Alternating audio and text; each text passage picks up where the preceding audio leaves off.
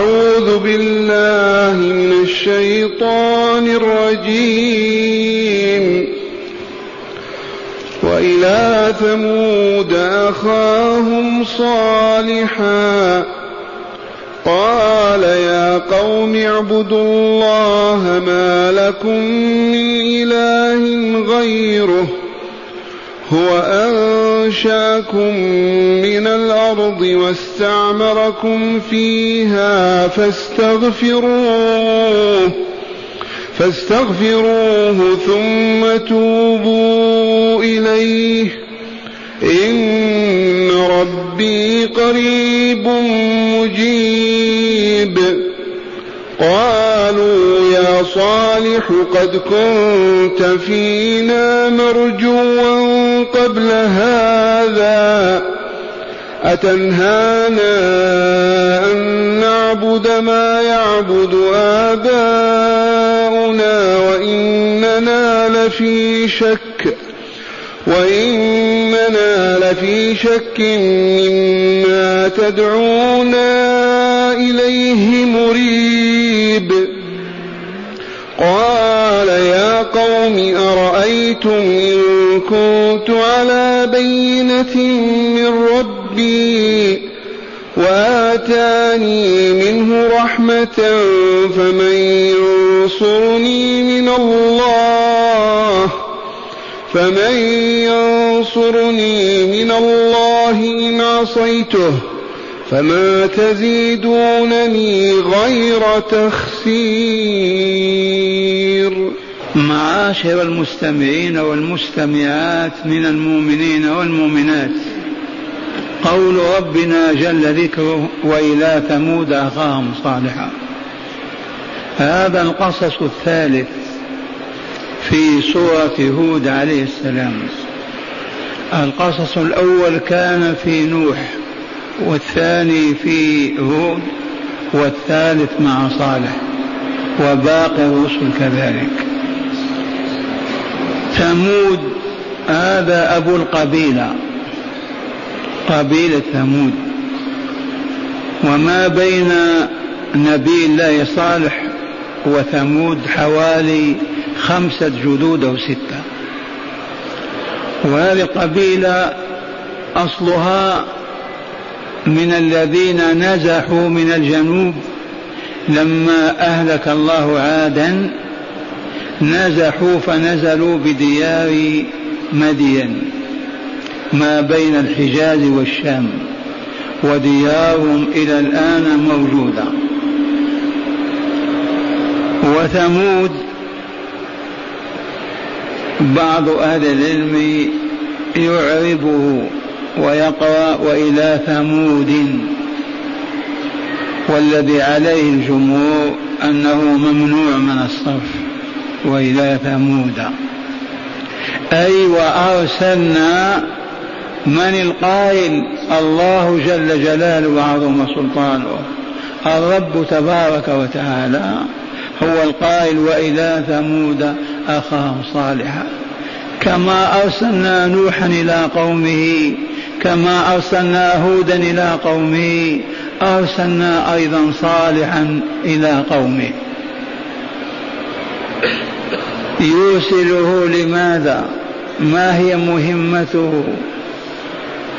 ما المراد من هذا الإرسال؟ يا معشر المستمعين والمستمعات من المؤمنين والمؤمنات لنعلم يقينا أن هذه الدار هذه الحياة ما هي إلا دار عمل فقط فمن عمل فيها بتزكية نفسه وتطهيرها فزكت وطابت وطهرت. سعد وكمل فيها ثم يسعد ويكمل في الدار الآخرة. ومن لم يعمل فيها بتزكية نفسه بل عمل فيها بما يخبث نفسه ويدسيها ويلوثها شقي في الدنيا وشقي وخسر في الآخرة.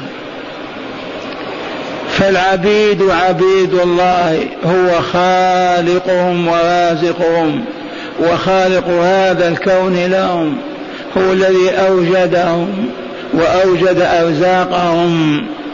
إذا رحمة به رحمة منه رحمة به يرسل الرسل ليبين لهم كيف يعيشون. على أي منهج ينهجون حتى يكملوا ويسعدوا.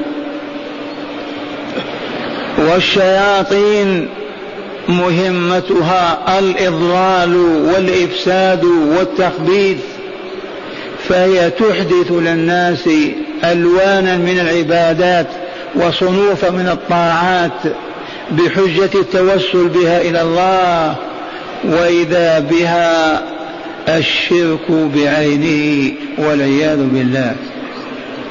فيشرك الناس بربهم أصناما تماثيل صورا أشجارا أناسا ملائكة.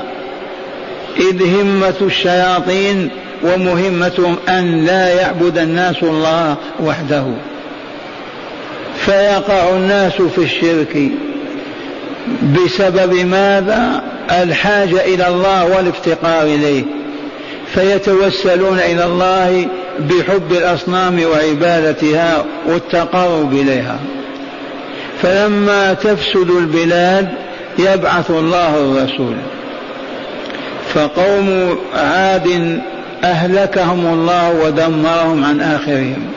فالجماعة التي نجت ونزحت عاشت دهرا من الزمن تعبد الله ثم مات العلماء فظهر الشرك هنا وهناك وانتشر والعياذ بالله فإذا بحكمة الله ورحمته تبعث إليهم صالحا. فقال تعالى وإلى ثمود أخاهم صالحا. وصل إليهم ماذا قال لهم؟ رسول مرسل إليهم قال يا قوم اعبدوا الله. اعبدوا الله ما لكم من إله غيره. ما عندكم والله إله يستحق أن يعبد إلا الله. لماذا يا صالح؟ لماذا يا شيخ؟ لأن الذي يستحق أن يعبد هو المالك لرقابنا المالك لنفوسنا الخالق لنا الذي مصيرنا إليه الذي يحيي ويميت ويعطي ويمنع هذا الذي يجب أن يعبد. أما من لا يخلق ولا يرزق ولا يعطي ولا يمنع ولا يحيي ولا يميت من هذه التماثيل والصور والهياكل التي زينت الشياطين كيف تعبد؟ كيف تكون آلهة مع الله؟ وهذه الكلمة رددها كل نبي ورسول وخاتمهم وإمامهم صلى الله عليه وسلم جاء بكلمة لا إله إلا الله أي لا يستحق أن يعبد في الكون إلا الله. فلا إله موجود يستحق أن يعبد إلا الله ولا يدخل أحد في الإسلام حتى يشهد على علم ويقول أشهد أن لا إله إلا الله وأشهد أن محمدا رسول الله.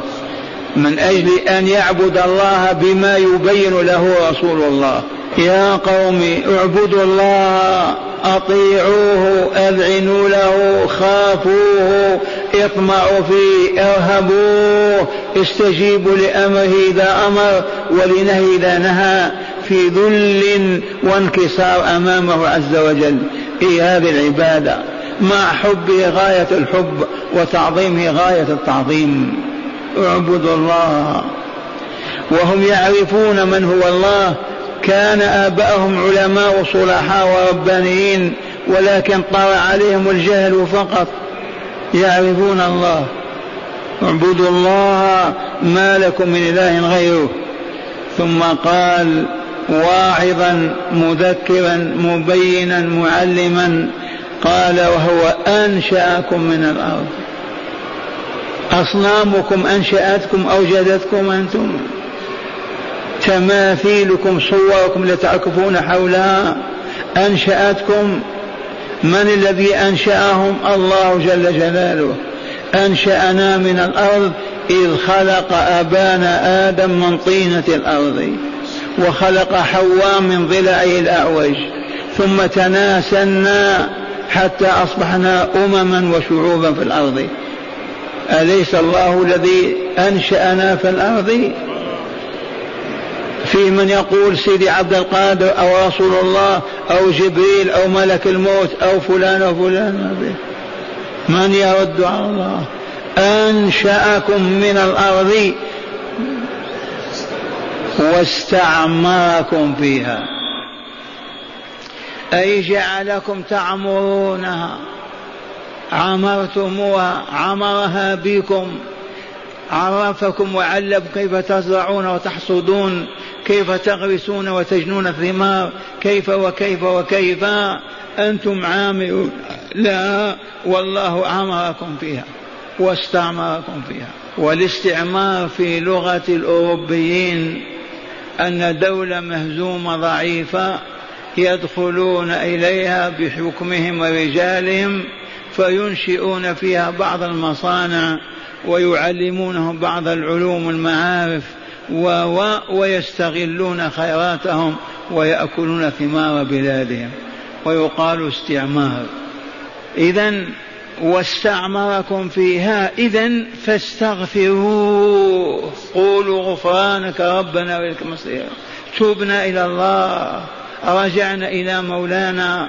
هيا نتخلى عن عبادة غيره نعد عن عبادة سواه ونعلن عن ذلك بكلمة أستغفر الله نستغفر الله ونتوب إليه. فاستغفروه ثم توبوا إليه.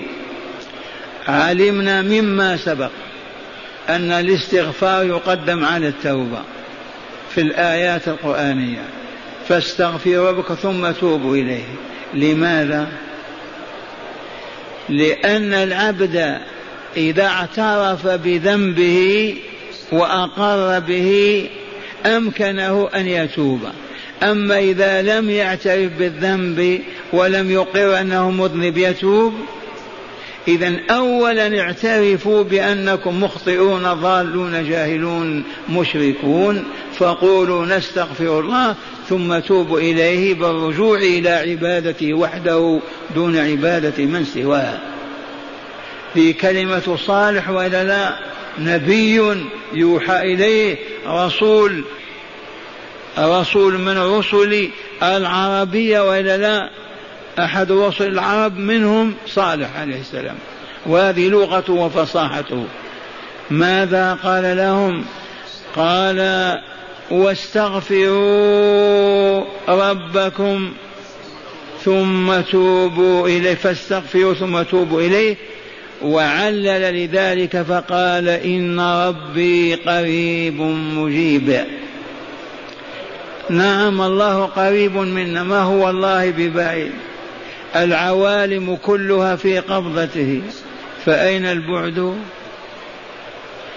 واقرأوا إن شئتم وتأملوا قوله تعالى وما قدر الله حق قدره والأرض جميعا قبضته يوم القيامة والسماوات مطويات بيمينه سبحانه وتعالى عما يشركون. فنحن بين يديه. وإن أردت مثالا أقرب لما تكون الشمس في النهار كلكم تحتها وهي قريبة منكم تشاهدون وتشاهدكم.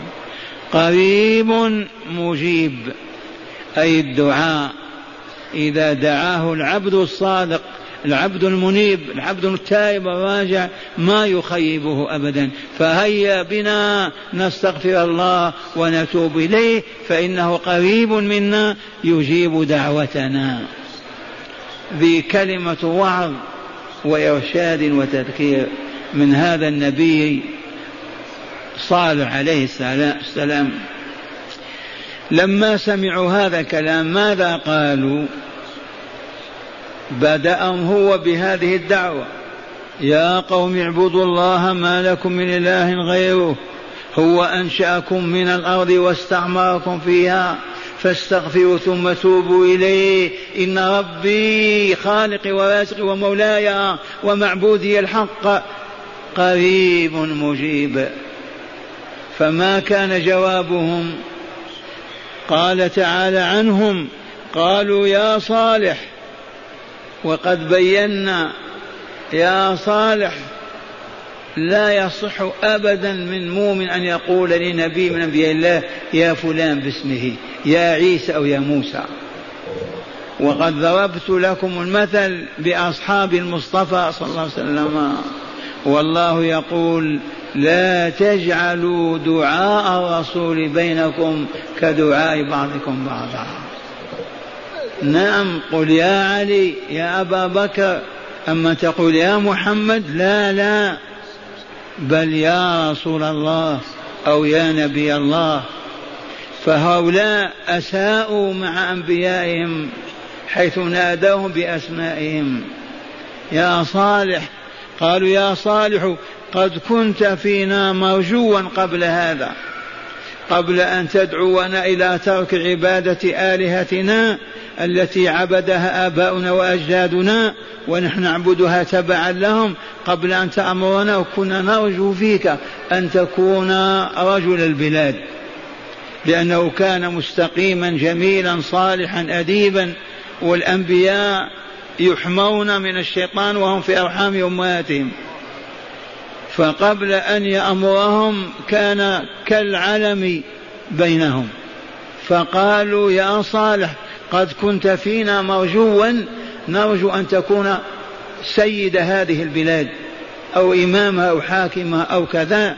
والآن قبل هذا اذا قد كنت مرجوا قبل هذا أتنهانا أن نعبد ما يعبد آباؤنا؟ هذا الاستفهام للإنكار عليه. أتنهانا أن نعبد ما يعبد آباؤنا؟ وإننا لفي شك مما تدعون إليه مريب. كأن هذه كانت في بداية الدعوة. وإننا لفي شك مما تدعون إليه. ما الذي يدعوهم إليه يرحمكم الله؟ أن يعبدوا الله ووحده أن يوحدوا الله في عبادته وهي حبه الأعظم وتعظيمه الأعظم وطاعته الكاملة فيما يأمر به وفيما ينهى عنه. ماذا قالوا؟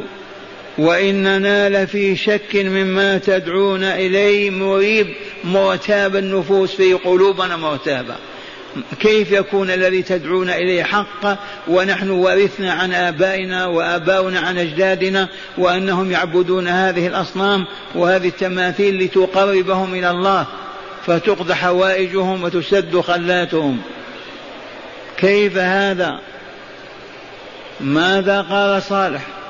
سكت أو أجاب قال يا قوم أرأيتم أخبروني إن كنت على بينة من ربي إن كنت على علم قطعي يقيني بأنني على الحق وأن عبادة الله هي الحق وأن عبادتكم لهذه الأصنام باطلة باطلة باطلة. ماذا أصنع؟ كيف نرجع؟ كيف نتأخر؟ كيف نسكت؟ إن كنت على بينة من ربي أولا وآتاني منه رحمة ألا وهي النبوة والرسالة. قبل التنبيه والإرسال كان ينكر ذلك ويكرهه.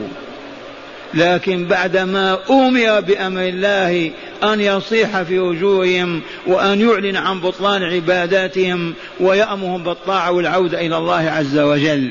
أخبروني إن كنت على بينة من ربي وآتاني أعطاني منه رحمة وهي النبوة والرسالة والولاية والقرب منه تعالى. إذا فمن ينصرني من الله إن عصيته.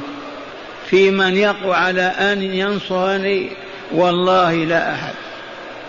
من ينصرني من الله إن عصيت ربي. كيف تريدون أن نسكت؟ تريدون أن نوافقكم على الشرك والباطل؟ تريدون أن نرضى بما أنتم عليه؟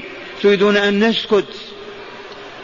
كيف أقف في وجه الحق وأتركه بعد ذلك؟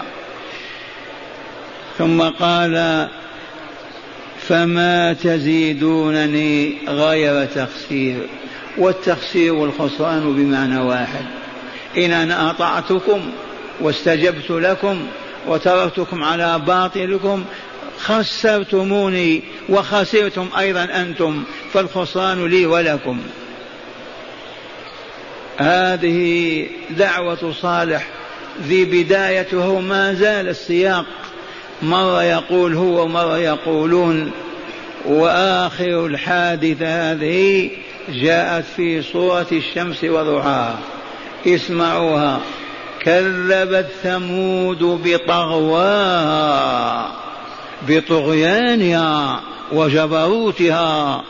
أصحاب المصانع والأموال والمزارع والحقول.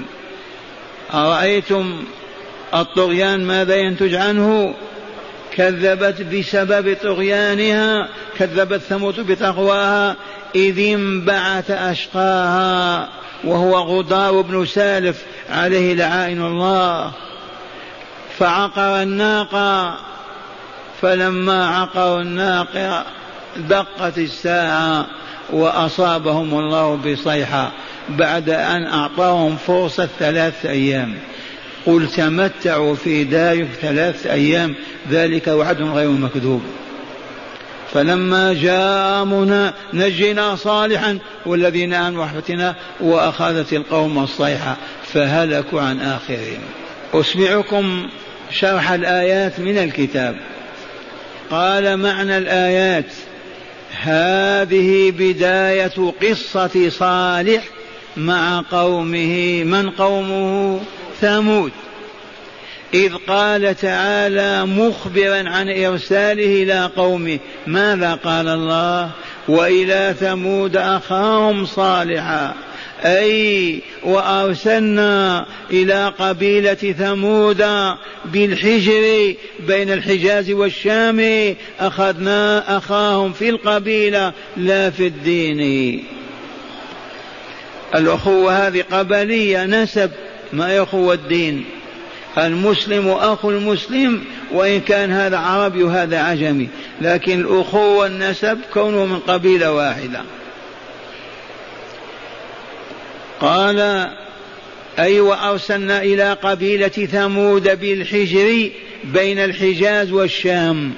أخاهم في القبيلة لا في الدين. من أخوه ماذا صالح.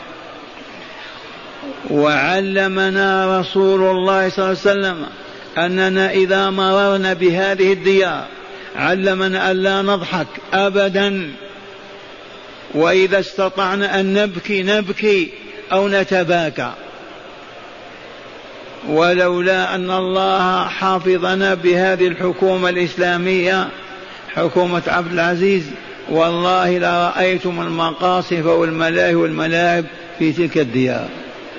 والله العظيم. لكن ممنوع. إذا تريد أن تتجول وتنظر إلى تلك القصور في الجبال جول. أما أن تضحك وتغني ما في. أخرج. قال الرسول لا تدخلوها إلا وأنتم باكون. فإن لم تبكوا فتباكوا فالذي يمر بديار الهالكين ويضحك له قلب هذا فيه إيمان؟ فقال يا قوم اعبدوا الله ما لكم من إله غيره. فناداهم بعنوان القومية جمعا لقلوبهم على ما يقول لهم من آدابه وبلاغته. ما قال يا أعداء الله ويا كفار؟ قال يا قومي جمعا لقلوبهم على ما يقول لهم. فقال يا قوم اعبدوا الله أي آمنوا به ووحدوه في عباداته فلا تعبدوا معه أحدا. إذ ليس لكم من إله غيره إذ هو ربكم الذي إذ هو ربكم أي خالقكم ورازقكم ومدبر أمركم. أنشأكم من الأرض أي ابتدأ خلقكم بخلق أبيكم آدم عليه السلام منها واستعمركم فيها أي جعلكم تعمرونها بالسكن فيها والعيش عليها. إذا إذا إذا فاستغفروه بالاعتراف بألوهيته ثم توبوا إليه فاعبدوه وحده ولا تشركوا في عبادة أحدا. يا معشر المستمعين والمستمعات لا تفوتنا الفرصة الذين يقولون يا رسول الله المدد يا سيدي عبد القادر أعطيني كذا. الذين يحلفون بغير الله كلهم في عداد المشركين. فليتوبوا إلى الله عز وجل. الذين يستغيثون يا مولاي يا سيدي يا كذا سواء كان ملكا أو رسولا أو كان شيطانا أو كان وهم من الأوهام كلهم بذلك أشركوا غير الله في عبادته. إذ لا ينادى ويستغاث به ويسأل الحاجات إلا الله الذي بيده ملكوت كل شيء. أما أموات ندعوهم نستغيث بهم يسمعون كلامنا. قف أمام قبر علي ألف سنة. وأنت تنادي يا علي يستجيب. والله ما يستجيب. عرفتم هذه ولا لا؟ لا نبكي ونأسف على قوم صالح ونحن غارقون فيما كانوا فيه غارقون والعياذ بالله. لا يصح لمؤمن أن يحلف بغير الله. فالذي يقول حق فلان ورأس فلان عظم هذا الذي حلف به ورفع إلى مستوى الربوبية والألوهية. ولست بقائل هذا بل هو الرسول القائل من حلف بغير الله فقد أشرك ومر قال فقد كفر. قال أنشأكم من الأرض أي ابتدأ خلقكم بخلق أبيكم آدم منها أي من الأرض. عرفتم أن الملائكة جمعت لهم من تربة الأرض وإلا أحمرها وأسودها حتى أصبح الطين من صلصال وخلق الله آدم منها.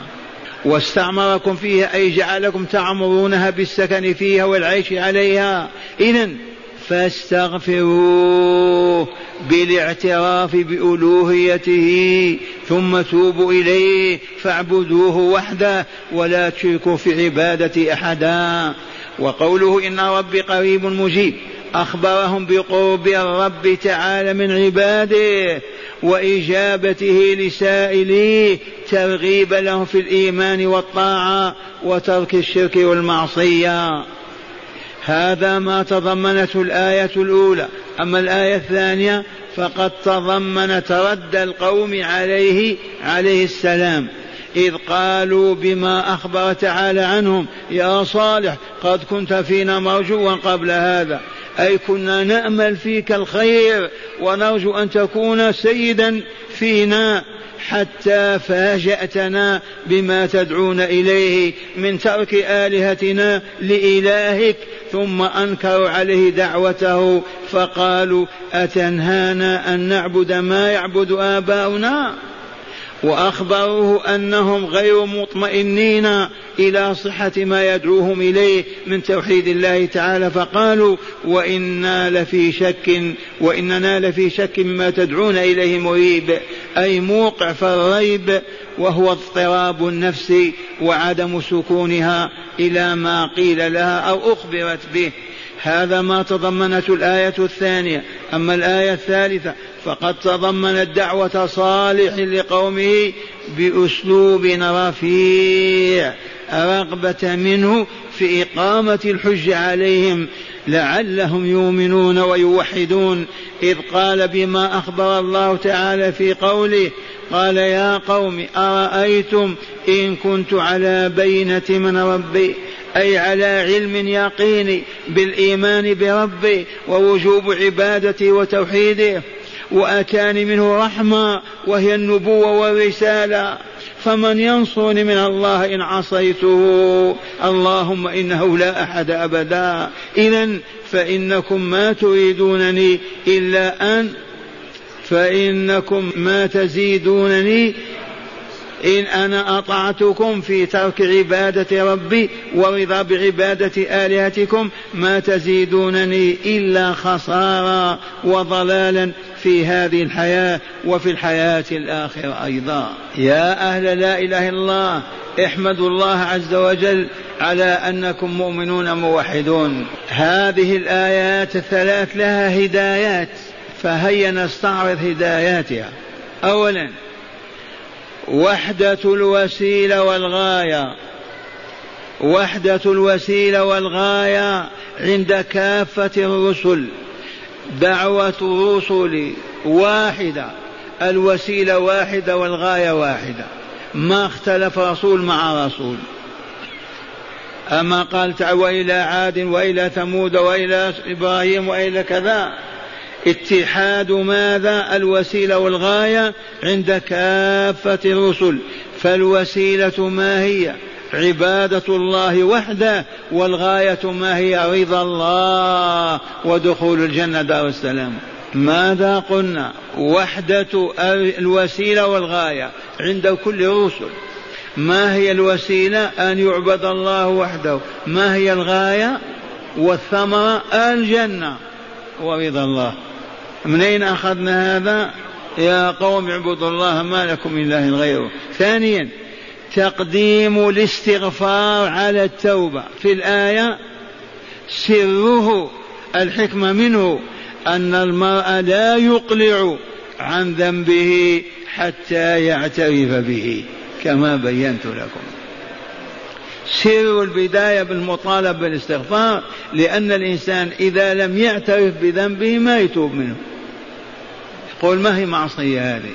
فإذا استغفر معناه اعترف وقال أستغفر الله وأمكنه أن يتوب. ثالثا بيان سنة في الناس وهي أن المرء الصالح يرجى في أهله.